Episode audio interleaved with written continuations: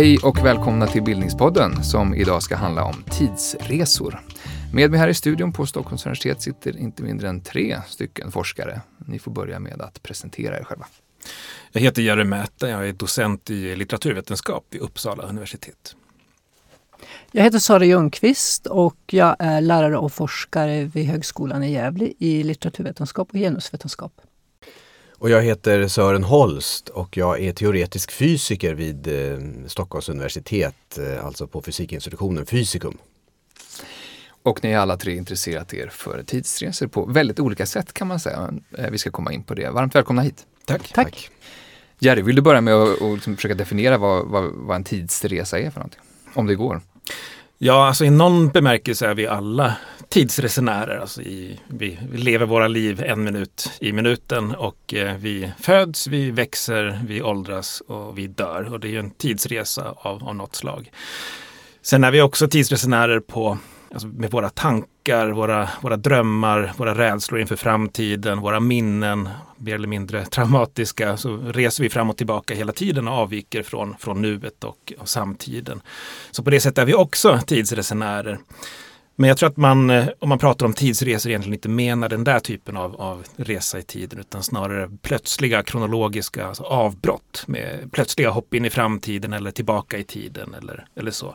Oftast med hjälp av en maskin eller med hjälp av ja, singulariteter och svarta hål. Och, ja. mm. Vi ska prata om tidsresan både som en kulturell företeelse, gestaltningar i populärkulturen och så, och, också som en fysisk möjlighet eller omöjlighet? Sören, det är du som framförallt kommer svara på det. Det kortaste svaret, är tidsresor möjliga? Ja, alltså det kortaste svaret är ja och nej. ehm, alltså, våra nuvarande teorier förbjuder inte tidsresor. Ehm, man, kan, man kan diskutera tidsresande inom, inom fysikens teorier idag. Ehm, sen är det en annan sak att kunna åstadkomma dem praktiskt och för att kunna göra det så ja, måste man övervinna ett antal både praktiska och mer principiella hinder, lite beroende på vilken typ av tidsresa det handlar om. Men de flesta fysiker skulle nog säga att vi aldrig kommer resa i tiden på det sätt som man gör inom science fiction-världen. Men man utesluter inte det? Nej, det är inte uteslutet av teorierna. Eh, vi vill inte döda det där riktigt än. eh, Sara, varför tror du vi är så fascinerade av det här med tidsresor? Eh, kulturhistorien är full av gestaltningar. Där. Ja, jag skulle säga att det är för att vi är väldigt nyfikna av oss. Mm. Enkelt svar. Eh, ja, alltså vi, vi, vi har ju, och, och sen så idag, i modern tid och, och, väldigt länge har det funnits väldigt mycket scenarios om hur framtiden ska te sig. Alltså vi har ju både ett scenario som hur det blev egentligen i framtiden, alltså vi har, vi har historien. Och där, den har ju också varit framtid någon gång. Eh, och, och sen så har vi ju alla dessa eh, berättelser i, inom fiktionen. Så att vi har ju jättemycket scenarier. Så de dystopiska och utopiska scenarier. Och, och, vi, och sen så har vi den här samhällsdebatten.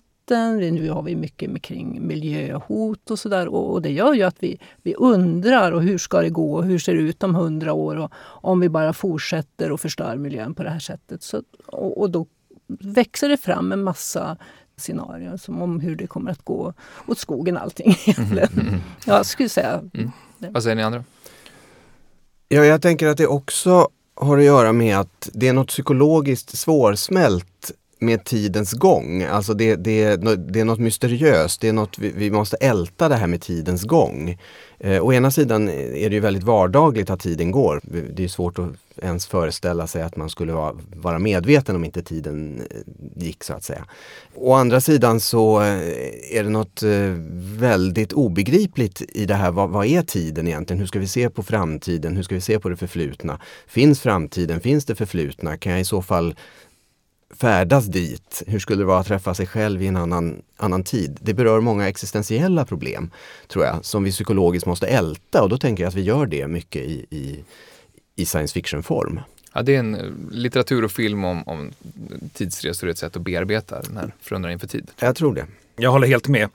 Precis som Sara var inne på så är tidsresande ett verktyg för att möjliggöra en viss form av tankeexperiment. Om det är sociologiska, politiska, filosofiska, historiska. På mer, mer abstrakt plan så, så, kan man använda tidsresan så. Men även på det personliga planet precis som vi varit inne på här.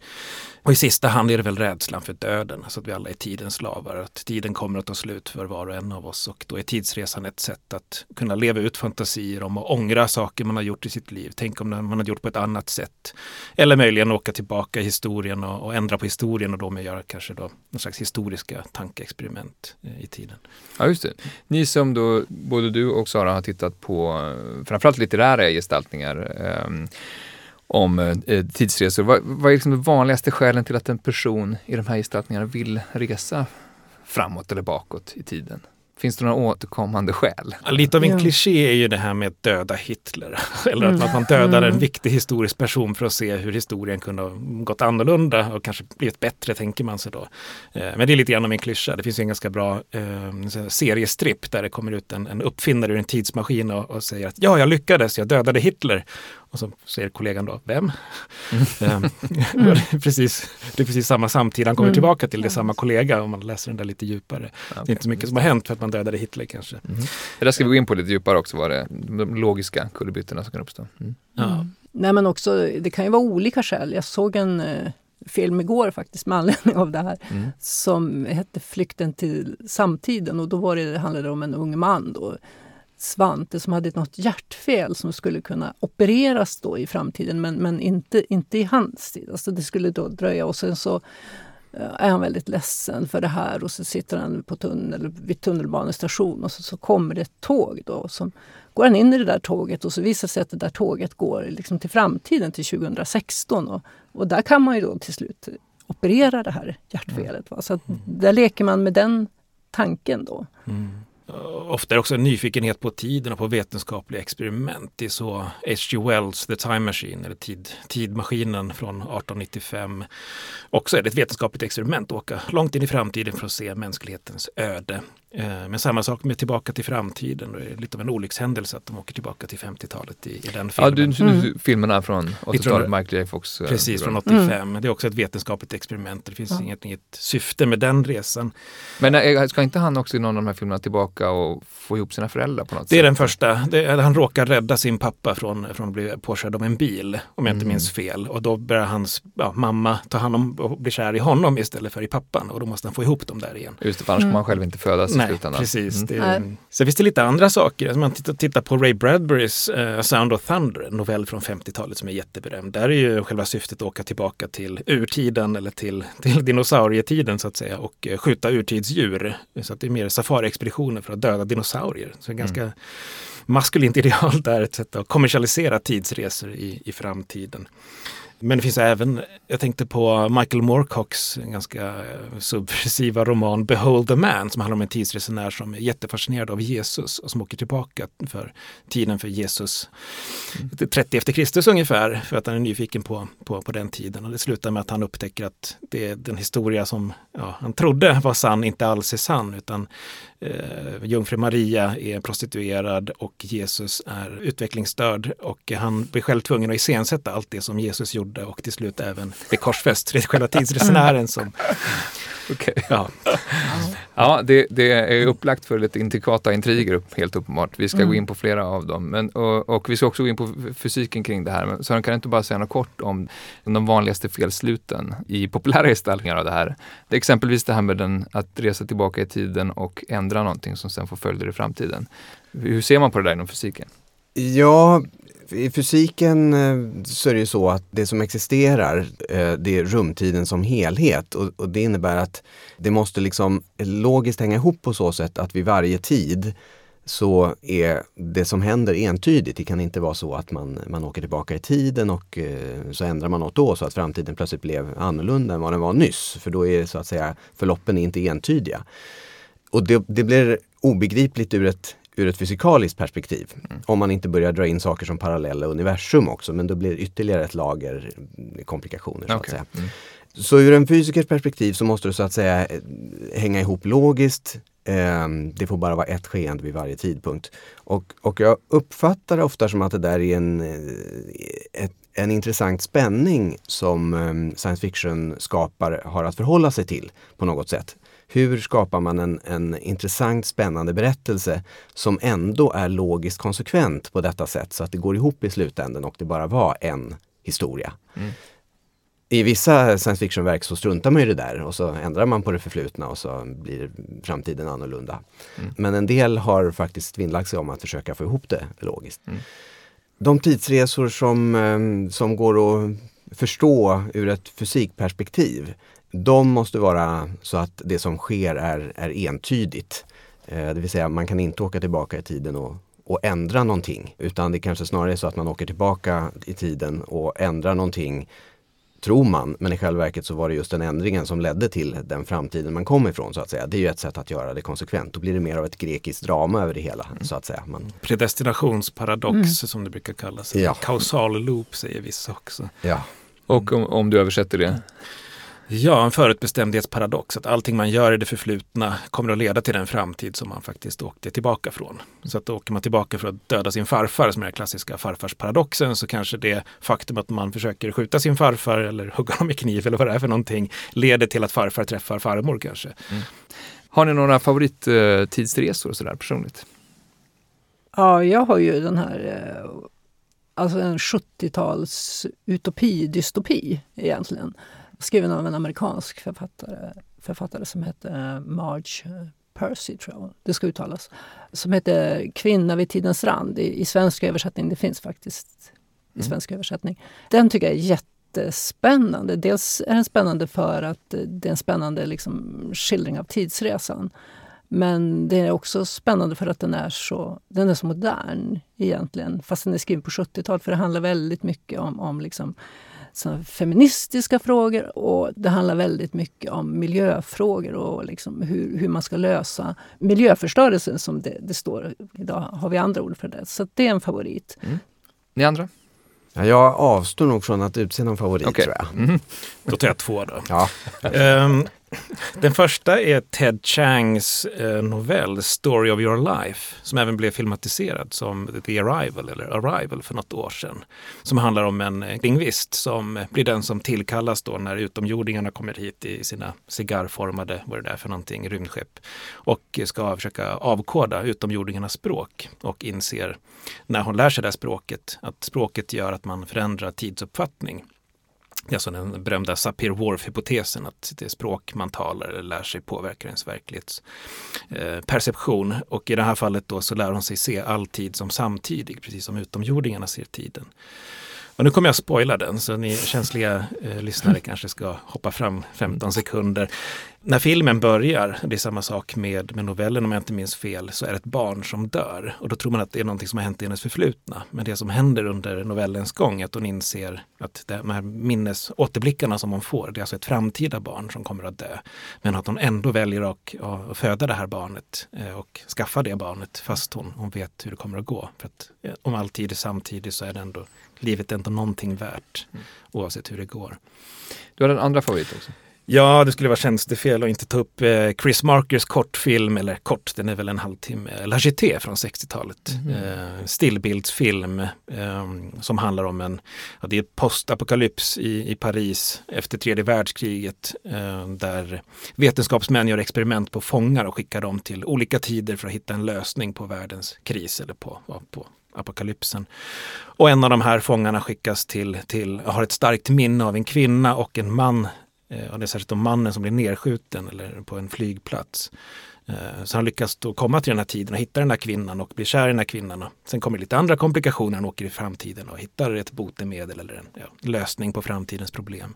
Men sen vill han fly tillbaka till, till samtiden och försöker fly med den här kvinnan på en flygplats och blir nedskjuten och inser att han som barn bevittnade den scenen. Så att det blir också en kausal loop då, alltihopa. Men det intressanta med den, förutom att den är en oerhört vacker poetisk eh, film, att den också inspirerat många andra, inte minst 12 vapenas armé som är på många sätt en, en remake på, på Chris Markers film. Men även eh, Terminator-filmerna är egentligen en Hollywood-remake av den här konstfilmen från 60-talet. Som mer fokuserar på mördaren som åker genom tiden. Och sen har jag ett tredje också som alltid måste tas upp i de här sammanhangen och det är Robert Heinleins All You Zombies från 59 som även blev, den blev filmatiserad här om året. Det är fem år novell. sedan. ursprungligen. Det är en novell som skrevs för Playboy, blev refuserad och sen publicerades i en smalare science fiction-tidskrift. Blev filmatiserad som Predestination här för något år sedan med Ethan Hawke som möjligen både producent och ja, i alla fall huvudperson i huvudrollen. Det är en oerhört komplicerad eh, tidshistoria och det är därför den har blivit så berömd också. Det är kanske en av de mest komplicerade historier man kan, kan göra i den här genren. Det kanske vi kan fördjupa oss i lite senare. då. Det kan vi göra. Eh, Jag tänkte vi kunde återkomma till flera av era favoriter lite senare. Men Sören, när blev tidsresan liksom teoretiskt möjlig inom eh, fysiken? Ja, man kan, man kan ju säga så här att tidsresande som fenomen har faktiskt blivit allt mer tillåtet inom fysikens teorier. Om man börjar med att gå tillbaka till, till äldre tiders fysik, den newtonska fysiken från 1600-talet, så är egentligen tidsresande uteslutet redan från början. Newton talar om rum och tid som absoluta. Och med det menar han att de, de fortgår, de existerar oberoende av det som sker i rummet och tiden. Så tiden är till exempel universell, lika för alla, lika i hela universum och den tickar bara på och den påverkas inte av någonting. Och det som existerar är en tidpunkt i taget. Liksom.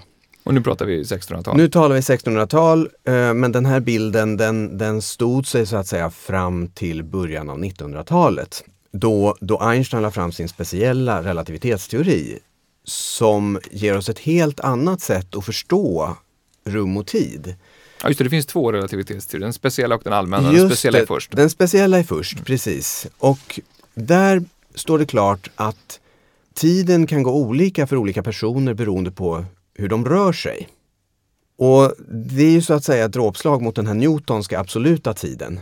Och eh, faktum är att i Einsteins teori så bör man betrakta det som existerar som rumtiden som helhet. Det är inte en tid i taget som existerar och så, och så stegas den fram liksom lika för alla som hos Newton. Utan det som existerar är snarare rumtiden som helhet. Så olika tider blir i det perspektivet lite mer som olika platser. Och det öppnar ju naturligtvis för idén att man kan eh, besöka de här olika platserna. Även om det är platser i tiden då också. Sen så kompliceras det hela ytterligare med den allmänna relativitetsteorin som förklarar fenomenet gravitation som ett uttryck för att rummet och rumtiden är krökt. Så att inte nog med att vi har en rumtid som existerar som helhet. Den här rumtiden den är också krökt och det kan betyda att olika delar av rumtiden sitter ihop på oväntade, ointuitiva sätt. Det öppnar till exempel för den science fiction-artade idén om maskhål, ett slags genvägar i, i rum och tid. Ibland kan det vara att eh, olika delar av vårt universum sitter ihop med ett maskhål som man går in i genom en portal och så kommer man ut någon annanstans i universum. Men det kan också vara så att olika tidpunkter eh, sitter ihop. Så om vi går in i maskhålet här idag så kommer vi kanske fram i någon helt annan tidsålder, någon helt annanstans kanske. Det är någonting som, som Einstein öppnar för. Det är, något, det är något han öppnar för, eh, kanske ofrivilligt. Eh, för i det ögonblicket man har börjat eh, laborera med en krökt rumtid så finns det liksom inget naturligt sätt att utesluta att olika delar av rumtiden sitter ihop på oväntade sätt. Mm. Och det öppnar ju då naturligtvis för en massa olika former av, av tidsresor. Man kan också i Einsteins teori tänka sig rumtider med cirkulär tid. Eller rumtider, alltså universum som har områden med cirkulär tid som man i så fall skulle kunna utnyttja för att spiralisera sig bakåt i tiden Mm. på något sätt. Eh, Så, så det finns en massa teoretiska möjligheter som inte längre är uteslutna. Det öppnar förstås också för en massa spännande historier som vi redan har varit inne på här. Och vi har fått en bra tidslinje här för hur fysiker har tänkt kring detta. Men Sara, när, när träder liksom tidsresan in i litteraturhistorien? Ja, det, det är ju egentligen kanske svårt att säga, men om man tittar på den litterära utopin så är det 1774 ungefär. Utopier är ju något som du har ägnat dig åt. Ja, det- Kan du förklara vad en utopi är? Ja, det, det är en, eh, när man talar om litterära, då är det en fiktiv skildring av en ideal värld som då eh, ska spegla den samtida världen egentligen. Eh, Så att man genom att spegla ett idealt förhållande så, så speglas missförhållandena i, i samtiden. väldigt kort. Dystopin är, är lite grann det omvända? Det är det omvända, ja precis.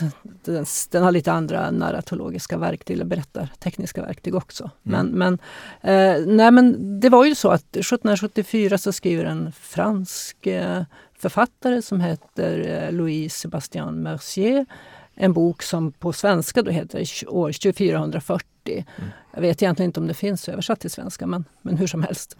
Eh, och eh, där har han placerat det här an, an, okända världen som de kommer till i framtiden. Helt enkelt antagligen för att det är ungefär vid tiden då man har upptäckt hela världen så det finns inte längre några vita fläckar på världskartan. För tidigare så placerade man alltid den här okända världen på en okänd plats på världskartan, det man inte hade upptäckt ännu. Men nu behövde man ta till tiden och eh, han anses vara den första som gör det. Men det är alltså år eh, 2440 på jorden? Ja, Så- precis på jorden. Det är inte alls rymden. Det Nej. dröjer länge innan rymden kommer in Mm. i, i den, inom den litterära utopin. Alltså det är ju det är en ganska... eh, Det är ju inte riktigt ens industrialismen eh, här så att det, det dröjer. Det, det är på jorden man förflyttar sig framåt i tiden. Det är fascinerande att det är så pass tidigt ändå. I alla fall min Mm. spontana Mm. känsla. Mm. Ja, det finns, ja, man kan alltid käfta länge om vad, vem som var först och varför Mm. och sådär. Det finns exempel i Mahabharata redan på, på tidsresor eller åtminstone att man Mm. är borta någonstans på en resa och kommer tillbaka och då har sekler gått. Eh, Det finns en japansk historia från medeltiden eller från vad vi betraktar som vår medeltid i alla fall som heter eh, Urashima Taro tror jag. Det är en, fisk, en fiskare ute på havet och hamnar i underjordiska havsvarelsers värld. Och när han kommer tillbaka till, till sin by så har, har det flera sekler som har gått och han, alla han känt har dött. Och, och. Eh, Så att den typen av historier finns, finns i, i Mm. folksagor och, i, i religion. Men är det så att Men- när Mercier föder någon slags frö till science fiction? Är det en tids, eh, förekommer det en tidsmaskin i den här skildringen? Jag hörde talas om att det här var en bildningspodd så jag tog med mig en bok. Mm. Ehm, en bok av David Wittenberg, en amerikansk litteraturvetare, eller filosof kanske snarare, som heter Time Travel, The Popular Philosophy of Narrative. Och hans tes är precis som Sara är inne på, att den här utopiska berättelserna där man sover sig in i framtiden Mm. och, eh, eller, eller så småningom bygger maskiner för att åka in i framtiden. Att det är själva ramberättelsen till dem som så småningom blir den moderna tidsresehistorien. Mm. Att man, man plockar bort utopin och ja, dystopin var inte så vanlig på den här tiden och använder bara ramberättelsen som en egen historia, att det blir en egen genre Mm. men som från början var en del av det utopiska. Men sen är det någonting som händer eh, på 1800-talet, särskilt sista hälften av 1800-talet när väldigt många författare börjar intressera sig för tidsresor. Frågar en anglosaxisk forskare så säger de H.G. Wells förstås, 1895, eller möjligen hans tidigare utkast till, till The Time Machine. eh, Här från- byggs det verkligen en tidsmaskin. Det gör det ju. Eh, det gör det. Som ser ut lite grann som en tomtesläde med en I alla fall i filmatiseringen. Jag har förstått att flera han, filmatiseringar i alla fall. Ja, jag har förstått att, i, att han kanske var inspirerad av, av hemmacyklar. Man kunde stå Mm. hemma och träna sig de första träningscyklarna hemma. Att det kanske var det han var inspirerad av. Men det finns även andra frågor. En spansk forskare så kanske de eh, lyfter fram Enrique Gaspars eller Anachronopete, eller eh, hur det uttalas, från 1887. Så året innan Wells. Eh, tidsskeppet tror jag skulle vara om man översätter det till svenska. Den vanligaste frågan jag har fått apropå litterära skildringar av detta inför den här inspelningen är uh, Jules Verne kommer väl upp? Eh, men har, finns det egentligen någon tidsresa i hans uh, författarskap? Det finns framtidsskildringar. Ja, den här refuserade romanen som kom först på 1900-talet. Paris i det 20 seklet. Mm. Eller vad den heter. Mm. Okej, just det. Men det, det här är ju en, eh, eh, här måste man dra en, eh, en gräns på sätt vis då för vad som är en framtidsskildring och vad som är en, en tidsresa Ja. inom berättelsen. Ja, Mm. för i litterära utopier och även dystopier så är det ju den här ofta implicit, den, den har skett. Alltså man är bara i framtiden eller någon möjligtvis sover sig in och vaknar i framtiden. Men det är inte så mycket kring själva resan i sig. Mm. Och ibland är den helt borta, man bara Mm. är i en framtidsvärld helt enkelt. Ja, det är lite grann så science fiction-genren också uppkommer eh, kring sekelskiftet 1900. Att Då, istället för att ta ramberättelser och göra en egen genre av den så skippar man ramberättelsen helt Mm. och hoppar rakt in i framtiden. Mm. Mm. Det finns en spännande bok av uh, Claes Lundin, en svensk eh, författare och journalist från 1800-talet. Eh, 1877 skrev han Oxygen och aromasia. Ja, Bilder från år 2378. ja, Eh, som alltså då är eh, 500 år framåt i tiden. Ja. Eh, efter en främmande idé av Claes Lundin. ja precis. Ja, det är, det är liksom, han har snott lite grann av idén från en tysk Kurt Lasswitz. Kurt Lass, ja, och Hilda precis. Ja, precis. Att, Säg eh, något om den här, den här boken. Ja, den är väldigt spännande fast väldigt märklig. Den är, den är liksom en, en slags, um, vad ska man säga, hybridroman, tycker jag. Uh, för att det är mycket liksom, tekniska utvecklingen har ju gått väldigt uh, fort där och man flyger omkring på luftvelocipeder och, och sådär. Och man, den är liksom föregriper nästan på något sätt internet för man, man får läsa morgondagens nyheter och nästa veckas nyheter. Så att det blir liksom en drift med hur, hur fort fort eh, tiden går och liksom det här nyhetsflödet. Alltså den, den driver mig väldigt mycket. Men sen är den också intressant rent, eh, rent om, om man tittar på, på de sociala villkoren. För det här då ska fram, framställs som en, en helt igenom jämställd värld. Då. Fast man, man talar inte om li, jämställdhet utan likställdhet för det var ju den, det, det begrepp man använde då. Och eh, så att både då den eh, kvinnan som huvudperson och mannen som huvudperson, de, de, de är yrkesarbetande och de har en kärlekshistoria och, och på det sättet. Men sen så visar det sig att det här egentligen finns det också en kritik mot det här. Så att det, det, är bara en, en formell jämställdhet egentligen. Det är inte en reell jämställdhet och då, då det uppmärksammas i den här berättelsen. Mm. Men här förekommer sådana saker som luftvelocipeder. Och ja, saker. precis. Luft, ja, luktorglar. Luktorglar. Och hon är ju, Vad är en luktorgel? Ja, det är man eh, spelar en orgel och så kommer en massa fina då, dofter som blandar sig. så att den här Aromasia som hon heter, hon hon, hon är luftpianist. Mm. Ja, det, det finns en luktorgel på Tekniska museet. Mm. Ja. man får stå väldigt nära rören mm. för att känna lukten. Mm. Frans, vilken typ av vetenskap äh, syns i de här 1800-talsskildringarna? Som gör tidsresan möjlig. Det handlar om att man bygger en maskin som bara lyckas med det. Ja, det är ju mycket handwaving som, som det handlar om. Det är väl den vetenskapen. Vad menar du med handwaving? Ja, för att man bortförklarar saker med lite, lite, okay. lite neologismer och lite, lite så. Mm. Men det intressanta med H.G. Wells, han, han pratar om tiden som den fjärde dimensionen. Jag vet inte, det är väl knappast han som uppfinner det, men det är någonting som jag har förstått. Sören rätta mig att fysiker senare kanske än, än 1890-tal började mm. prata om Ja visst, alltså det, det blir ju just um, standard inom fysiken i och med relativitetsteorierna. Så um, ja, idag så skulle vi väl säga att det är i och med Einsteins speciella relativitetsteori som det blir relevant att betrakta tiden som den fjärde dimensionen. Fast faktum är att det tog ett tag innan den uppfattningen satte sig och att det var så man skulle förstå även den speciella. Så att det är nog först på 1920-talet som, som man börjar tänka så inom fysiken generellt. Mm. Så det är ju väldigt fascinerande att, att han tar upp det så mm. tidigt. Mm, ja, det är första kapitlet i, i, boken om jag inte minns fel. De sitter, sitter några herrar runt ett bord och, och tidsresenären berättar om, om sin hypotes om, om tiden. Mm. Mm. Alltså, det är ju visionärt på fler sätt. Då, för det du sa alldeles nyss här var ju att den Newtonska världsbilden den, den, den ligger fast fram till Einstein. Fin, finns Precis, det några... så den, den, den utesluter ju så att säga tidsresande som en fysikalisk sak. Men det är klart att redan i Newtons fysik så kan man ju betrakta tiden som en, vad ska jag säga, som en parameter som fungerar lite grann som en rumskoordinat. Eh, alltså en händelse, en fysikalisk händelse är någonting som beskrivs av tre rumskoordinater och en tidskoordinat. Mm. Det där är förstås någonting som man är, en beskrivning som man använder redan i Newtons fysik. Men det är bara det att man ser så väldigt annorlunda på tiden än på rummet eh, då. Så, att, eh, ja, så jag, jag, tycker ändå att det är fascinerande att eh, han är så tidig med detta. Det är ju en tid här som, som också historiskt sett ser en väldigt stark liksom, teknologisk industriell utveckling. Är det så? Ja. Hänger det ihop? Ja, det, det, är väldigt tydligt senare hälften av 1800-talet hur, hur, tiden börjar framträda på ett helt annat sätt för, för många. Frågar en teknikhistoriker så är det förstås eh, teknikutvecklingen som är det viktiga här med tåg och med telegraf och liknande som, gör, som förkortar tidsavstånd för kommunikation. Pratar du med en marxist så är det förstås kapitalismen som är, är boven i dramat eller, eller grunden. Mm. Med räntor, med profit, med investeringar men också med tanken på, på utveckling, alltså på klasskamp och eh, ja, som, som den, den progressiva progressiva tidssynen inom, inom marxismen.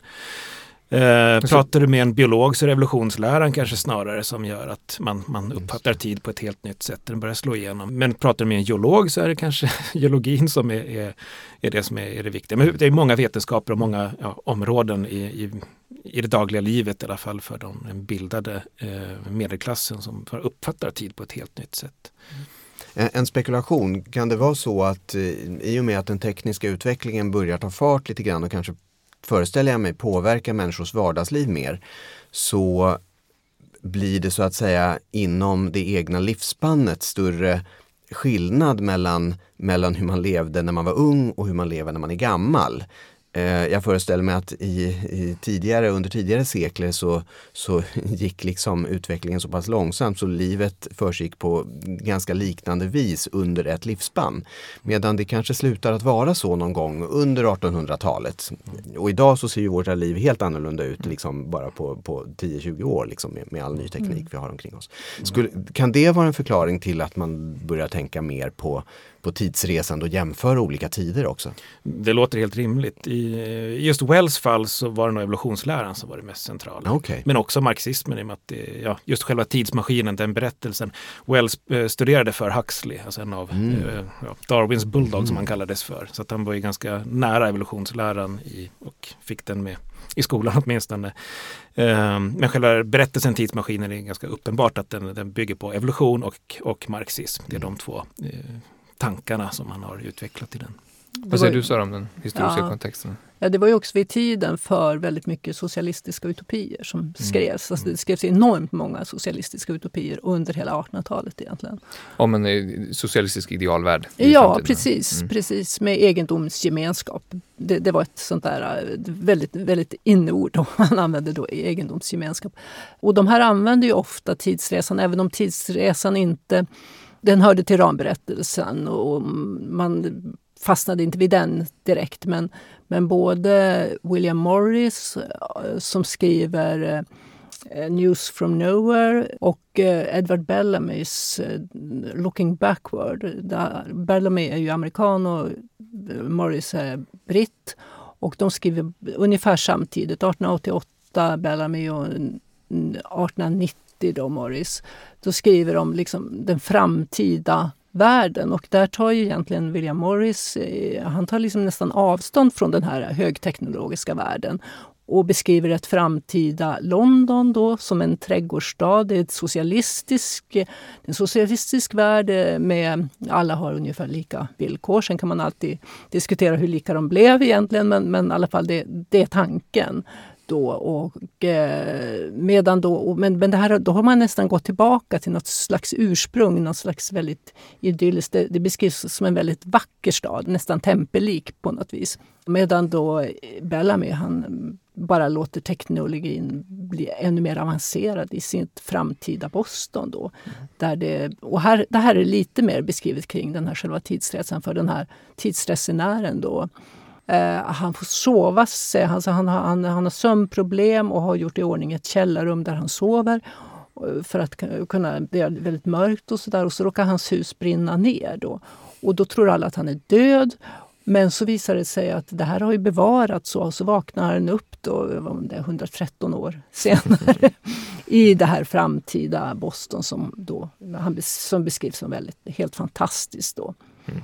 Och sen så görs det åt Eh, i, i samtalen, för det finns alltid ett samtal i de här litterära utopierna som försiggår mellan besökaren då, eh, som är tidsresenären, och också då någon, någon guide i, bland lokalbefolkningen. Då får man jämföra då tiderna. Mm. Mm. När, när sedan Einsteins teorier kommer in i bilden en bit in på 1900-talet, hur, ser man i science fiction-litteraturen att det förändrar bilden av tidsresor? Relativt omedelbart, eller ser det ut? Ja, det gör det. Ehm, jag vet inte exakt vilket årtal som man ska... Ehm, men det som dyker upp då är de här paradoxresorna. Det är då tidsresan blir verkligen en egen genre som inte är ett, ett verktyg för att diskutera någonting annat utan det är tid, tidsresan som är intressant för sig bara för som tankeexperiment. Vad händer om man åker tillbaka i tiden och förändrar någonting?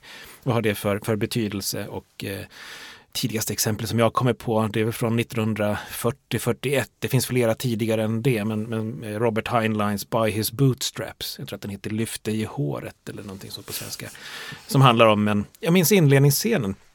Det är en doktorand, om jag inte minns fel, i, i fysik som sitter och skriver på sin avhandling om det sista ja, slutsatserna om varför resor i tiden inte är möjliga eller någonting liknande och så står hans framtida jag bakom axeln och skrattar. Eller, det är ungefär så. som, som, men det handlar om en person som korsar sin egen tidslinje om och om igen. Så att det blir som, ja, lek med paradoxerna. Mm. Mm. Jag pratar både om, om, resor framåt och bakåt i tiden. Men Sören, kan, kan, rent fysiskt, är, är det två olika saker? Ja, det är faktiskt ganska stor skillnad om man om man liksom eh, tänker på utsikten att åstadkomma de här resorna. Mm.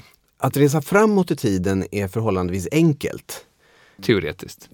Ja, men det är det som också ligger närmast eh, till hands praktiskt. Okay. Mm. Eh, redan i speciell relativitetsteori så är det så att hur snabbt man åldras, hur snabbt ens tid går beror på hur man rör sig.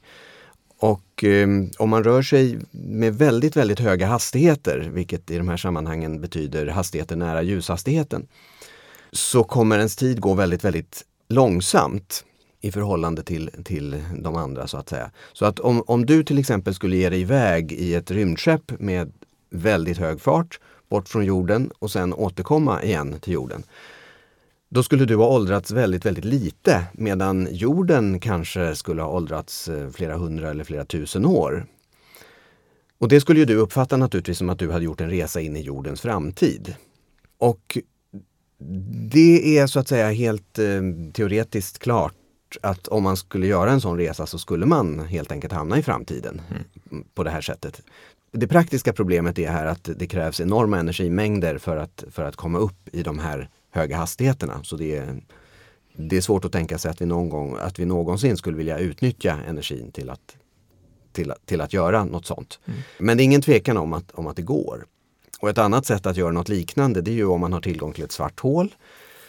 Um, alltså en, en, um, en kollapsad um, himlakropp, en kollapsad stjärna som har kollapsat gravitationellt och blivit ett svart hål. I närheten av det svarta hålet, på grund av rumtidens enorma krökning där, så går tiden också väldigt långsamt. Det betyder att om du istället för att göra den här långa resan ut i rymden, om du istället eh, besöker det svarta hålets närområde, då kommer din tid gå väldigt långsamt. Så när du kommer tillbaka därifrån så kommer vi andra också ha åldrats väldigt, väldigt mycket mer än du. Mm. Så det kommer återigen vara en resa in i framtiden. Hedrad att få vara exemplet för ja, den här spännande tidsresan.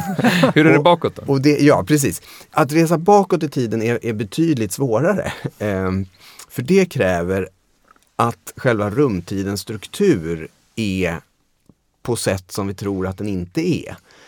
Till exempel att det finns maskhål, att det finns direktförbindelser mellan olika platser i universum eller olika tider i universum. Faktum är att det skulle räcka med att ha en direktförbindelse mellan olika platser i universum. Om vi hade ett sånt maskhål så skulle vi kunna, kan man visa, bygga om det till att bli en direktförbindelse mellan olika tider. Men problemet där är ju att det är sannolikt så att det inte finns några sådana där maskhål eh, i universum. Det utesluts inte av, av teorin men de flesta fysiker tror inte att det finns. Och om de skulle finnas så kan man också visa att det är troligen så att det inte går att resa igenom dem mm. med livet i behåll. Mm. Av olika skäl. Så att det finns, det finns många fler teoretiska problem när det gäller att okay. ordna, mm. ordna resor bakåt i tiden. Mm. Vad säger ni? Men kan man skicka information bakåt i tiden genom ett maskhål? Det finns olika sorts maskhål. Det finns sådana, eller alltså när jag säger finns nu så betyder det teoretiskt finns. Mm. Ehm, det finns olika sorters maskhål. Det finns de som man kan sända information igenom men som man själv inte kan eh, åka igenom. Mm. Och det finns sådana som heller inte tillåter information av något slag att färdas genom dem så att säga. Mm. Ju mer de tillåter desto osannolikare blir de på fysikaliska eh, grunder. Det kanske kan vara läge att ta ett av de senare årens mest populära skildringar av tidsresan. En film som heter Interstellar. Mm, eh, regisserad av Christopher Nolan. Som kommer in på flera av de här sakerna mm. och dessutom verkar väldigt välförankrad fysiskt. Vad, eh, är det någon som vill dra lite grann vad den handlar om? Ja, väldigt kort kan man väl säga att eh, den utspelar sig i en, i en framtid då jorden är totalt miljöförstörd och utarmad eh, resursmässigt så att eh, en hemlig expedition ger sig iväg bort från jorden för att söka efter en räddning. Till exempel söka efter, efter någon annan planet där mänskligheten skulle kunna etablera sig. En av öppningarna är, eller öppningen till den andra galaxen är väl ett, just ett maskhål? Ja, precis. Ett av sätt att komma snabbt långt bort ifrån jordens närområde det är just att utnyttja ett maskhål vars ena mynning råkar befinna sig i närheten av Saturnus om jag minns rätt. Och vars andra mynning befinner sig långt bort i närheten av något helt annat planetsystem. Eh, som dessutom råkar vara i närheten av ett, av ett svart hål långt bort. Och ja, he, hela den här plotten då under det här, den här expeditionen så, så kommer lite olika tidseffekter till uttryck. Till exempel så en av de där planeterna som de vill undersöka för att eh, se om det kan vara ett möjligt ställe för mänskligheten att bosätta sig på. En av de planeterna råkar befinna sig väldigt nära ett svart hål. Och eh, när en del av besättningen eh, åker till den här planeten då, de skyndar sig på så mycket som möjligt. Men det visar sig att en timme på den här planeten motsvarar flera år i moderskeppet utanför.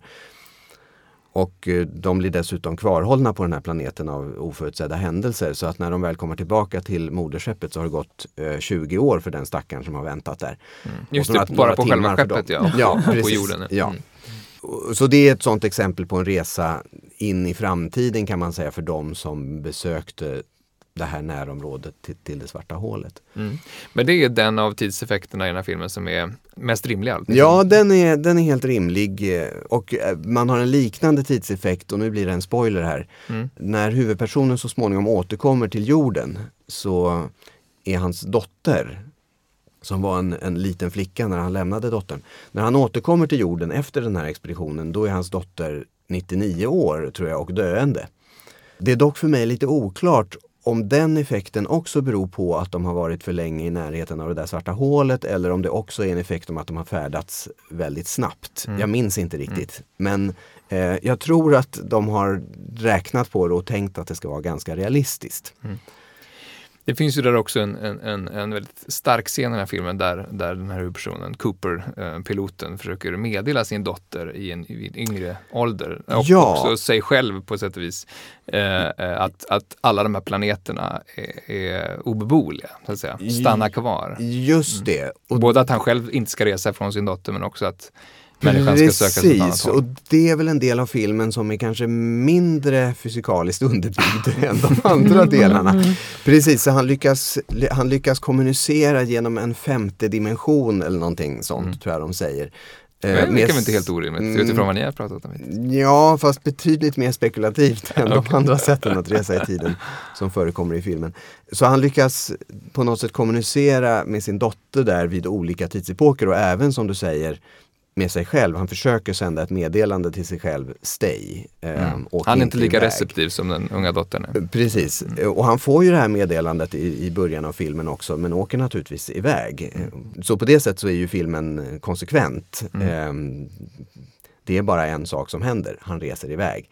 Eh, så trots att det finns den här tidsloopen eller det här meddelandet till det förflutna så, så påverkar inte det egentligen någonting. Däremot kan mm. man ju fråga sig hur, hur han tänkte när han skickade det här meddelandet. Tänkte han att han skulle ändra på framtiden när han gjorde det? Eller, mm. Ja, det är lite svårt att förstå. Men, um, Men det är en, en rätt känd fysiker som varit inblandad i den här Ja, precis. För ovanlighetens skull så har man här konsulterat en, en teoretisk fysiker, Kip Thorne.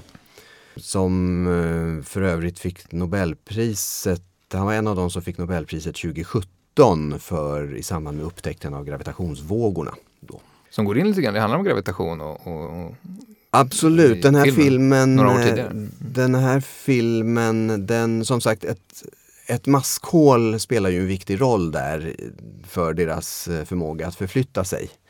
Och eh, det här maskhålet, hur det ser ut, är faktiskt eh, realistiskt så tillvida att det stämmer med, med Einsteins teori hur ett maskhål skulle se ut om det fanns. Mm. Mm. Vad säger ni andra om, har ni sett den här filmen? Ja, ett par gånger. Ja. Det är en oerhört fin film rent visuellt och musikmässigt och så. Men jag, jag, är inte helt säker på hur mycket det här att det är vetenskapligt korrekt egentligen gör för en lekman. Jag tror att för en fysiker så gör det att det smärtar mindre att se filmen. Men för mm. någon som är ja. mer intresserad av det känslomässiga, av det spektakulära eller ja. det, så kanske det inte spelar så stor roll. Nej. Man kan säga att den hör till en undergenre inom tidsreseberättelsen som kanske kallas för Don't do it eller gör det inte, där man skickar ett meddelande efter en tidsresa för att förhindra tidsresa tidsresa men tidsresan blir ändå, ja, blir ändå av. Jag tänker på en jättefin novell av Ursula Le Guin som heter Another Story or A Fisherman in the Inland Sea. Som handlar också om en, en en forskare, jag vill minnas att det har att göra med resa i ljusets hastighet och som på grund av olika, ja, som upptäcker tidsresemöjligheter och som försöker varna sig själv att du kommer bli olycklig av att bli forskare. Stanna kvar hos din lyckliga familj istället. Mm. Uh, och det slutar med att han ja, kan resa tillbaka i tiden och leva om det han missade för att han blev forskare. Stark läsupplevelse för Jari Mäte under doktorandtiden. Eller? Man kan identifiera sig med den tanken åtminstone. Uh, tänkte vi kunde återvända till några av era favoriter där från början. Eh, Sara, du nämnde den här Kvinna vid tidens rand. Ja, precis. Säg något mer om vad den handlar om. Eh, ja, där har vi ju faktiskt eh, den här tidsresan beskriven, även om det inte alls är teknologiskt. Det, det är ingen maskin. Det handlar om en fattig puertoricansk kvinna som lever i New York. Hon är 37 år gammal. Hon eh, har blivit fråntagen sitt barn och det här är på 70-talet? Och det utspelar sig på 70-talet, då, 1976. Och, eh, och hon är intagen på mentalsjukhus. Och eh, man förstår ganska snart att hon är egentligen oskyldig till allt som hon anklagas för. Hon är egentligen inte alls mentalsjuk heller för den delen. Men, men hon har allting emot sig. Och sen på det här mentalsjukhuset så får hon plötsligt kontakt då med en spansktalande person som ändå pratar engelska men, men har liksom samma ursprung så att hon också är färgad.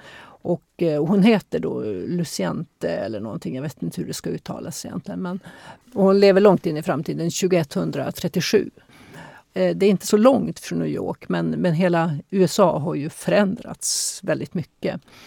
Eh, och eh, de lever i liksom ganska småskaligt med byar. De odlar ekologiskt och de, de lever liksom väldigt jämställt. Och det är som, alltså alla problem på 70-talet är som lösta då i den här framtidsvärlden som den här Luciante kommer ifrån.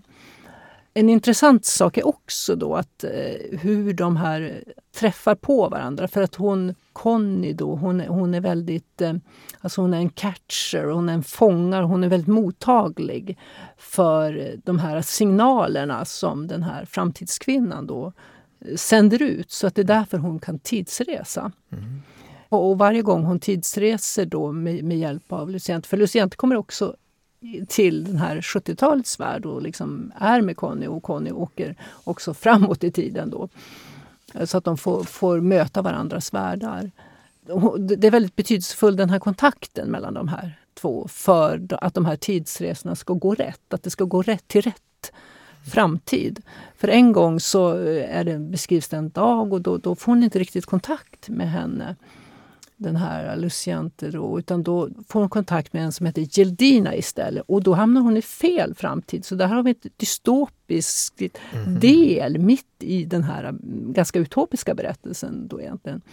Ja, för det handlar i väldigt hög grad om en, om en resa fram till ett mer tolerant samhälle. Ja, alltså. precis. Mm. Men det här är då tvärtom. Alltså, det här är en förfärlig dystopisk värld hon hamnar i, när hon hamnar i fel mm. värld alla kvinnor är egentligen eh, kontrakterade horor och de bor nere på jorden som är helt förgiftade av liksom miljöförstörelse och sådär.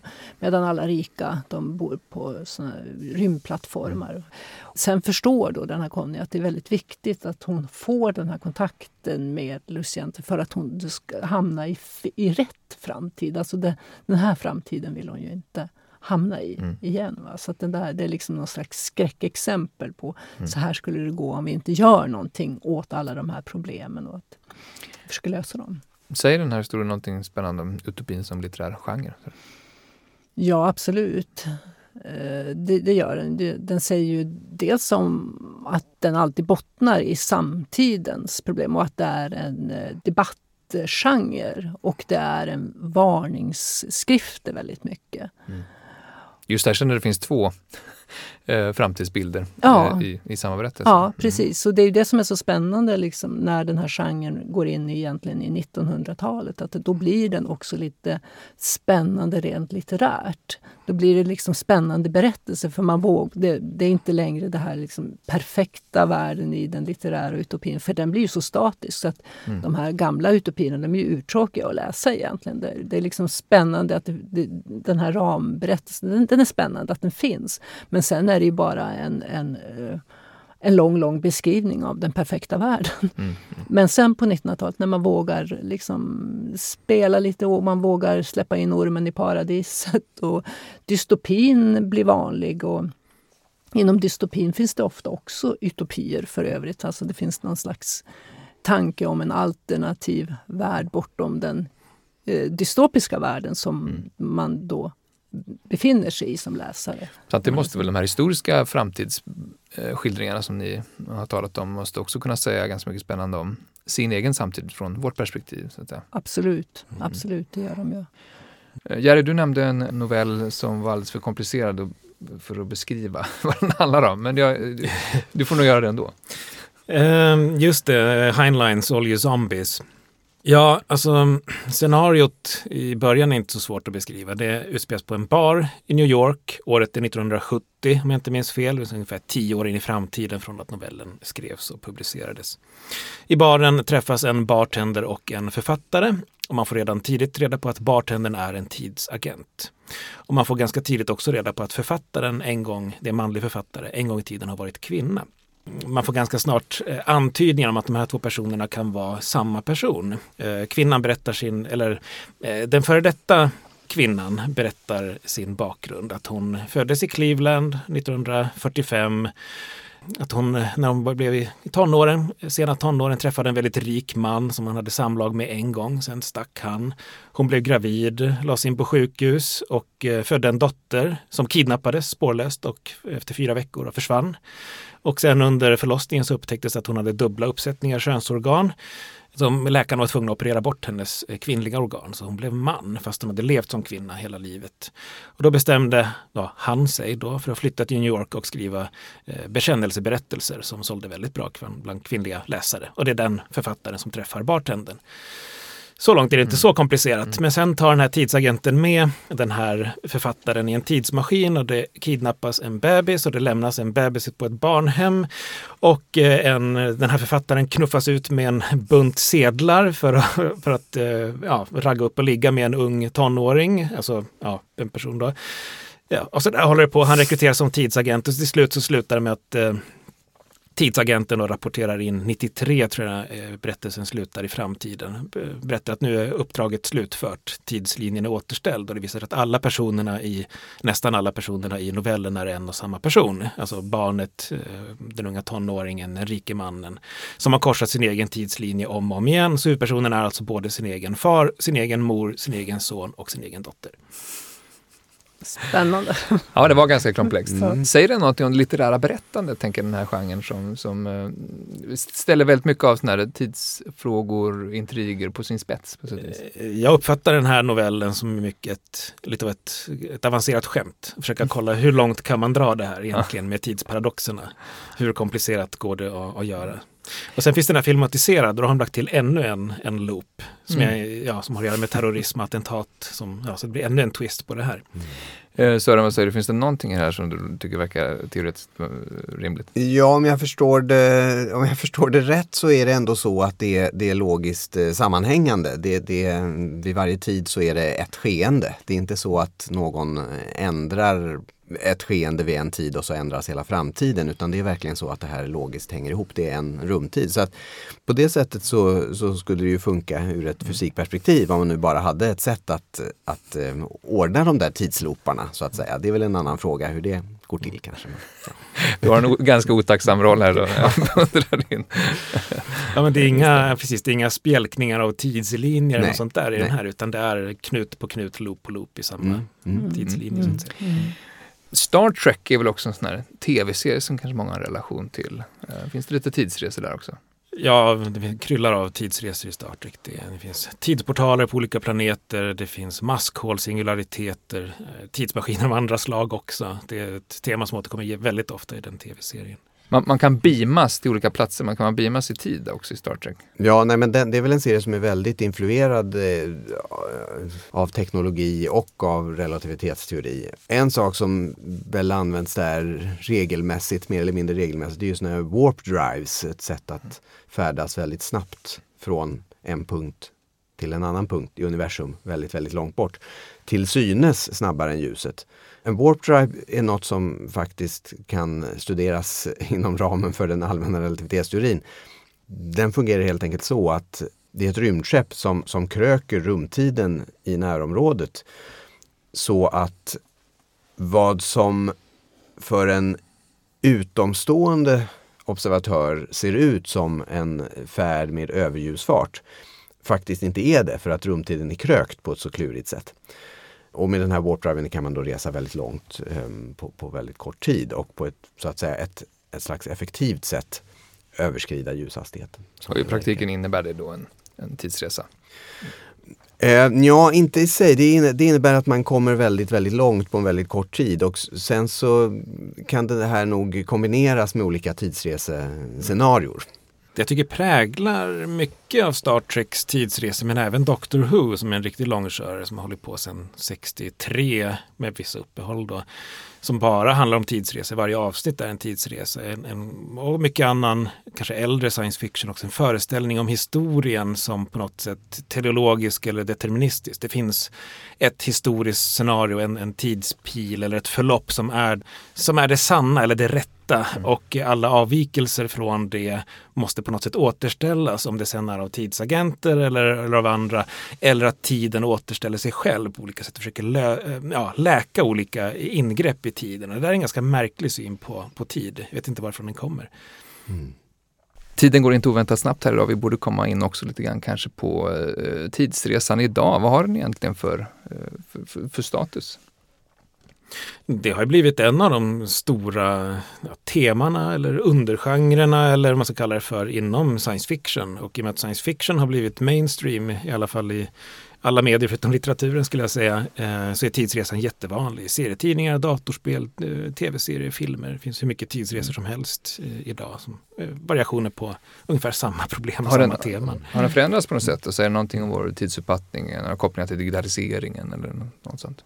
Det är svårt att säga. Jag tycker nog att eh, man, det är lite vanligare med tidsresor väldigt kort, alltså inom litteraturen, bara en ganska nära framtid. Några år, liksom. Att det har blivit vanligt. Och då har det hänt något ganska förfärligt i hela jorden. Liksom. Mm. En stor katastrof har hänt oftast. Att det tycker jag är lite vanligare.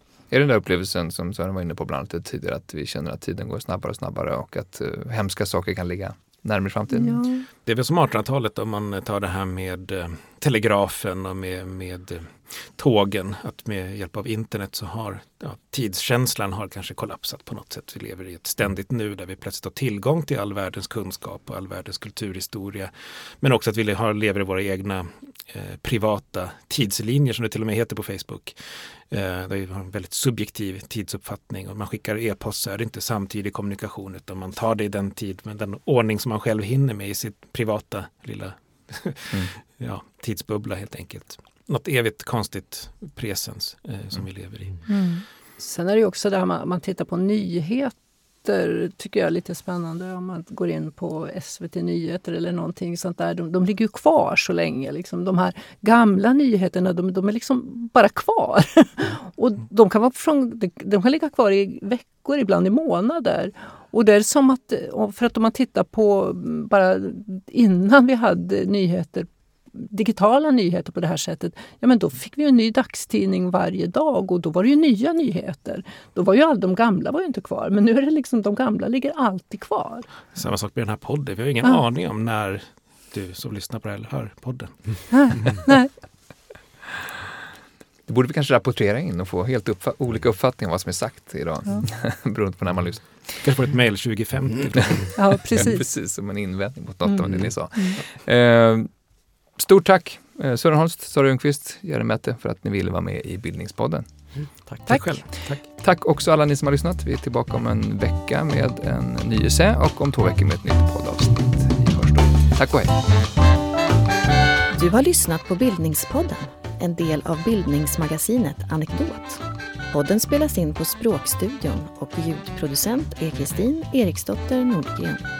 Fler poddar, filmer och essäer hittar du på anekdot.se.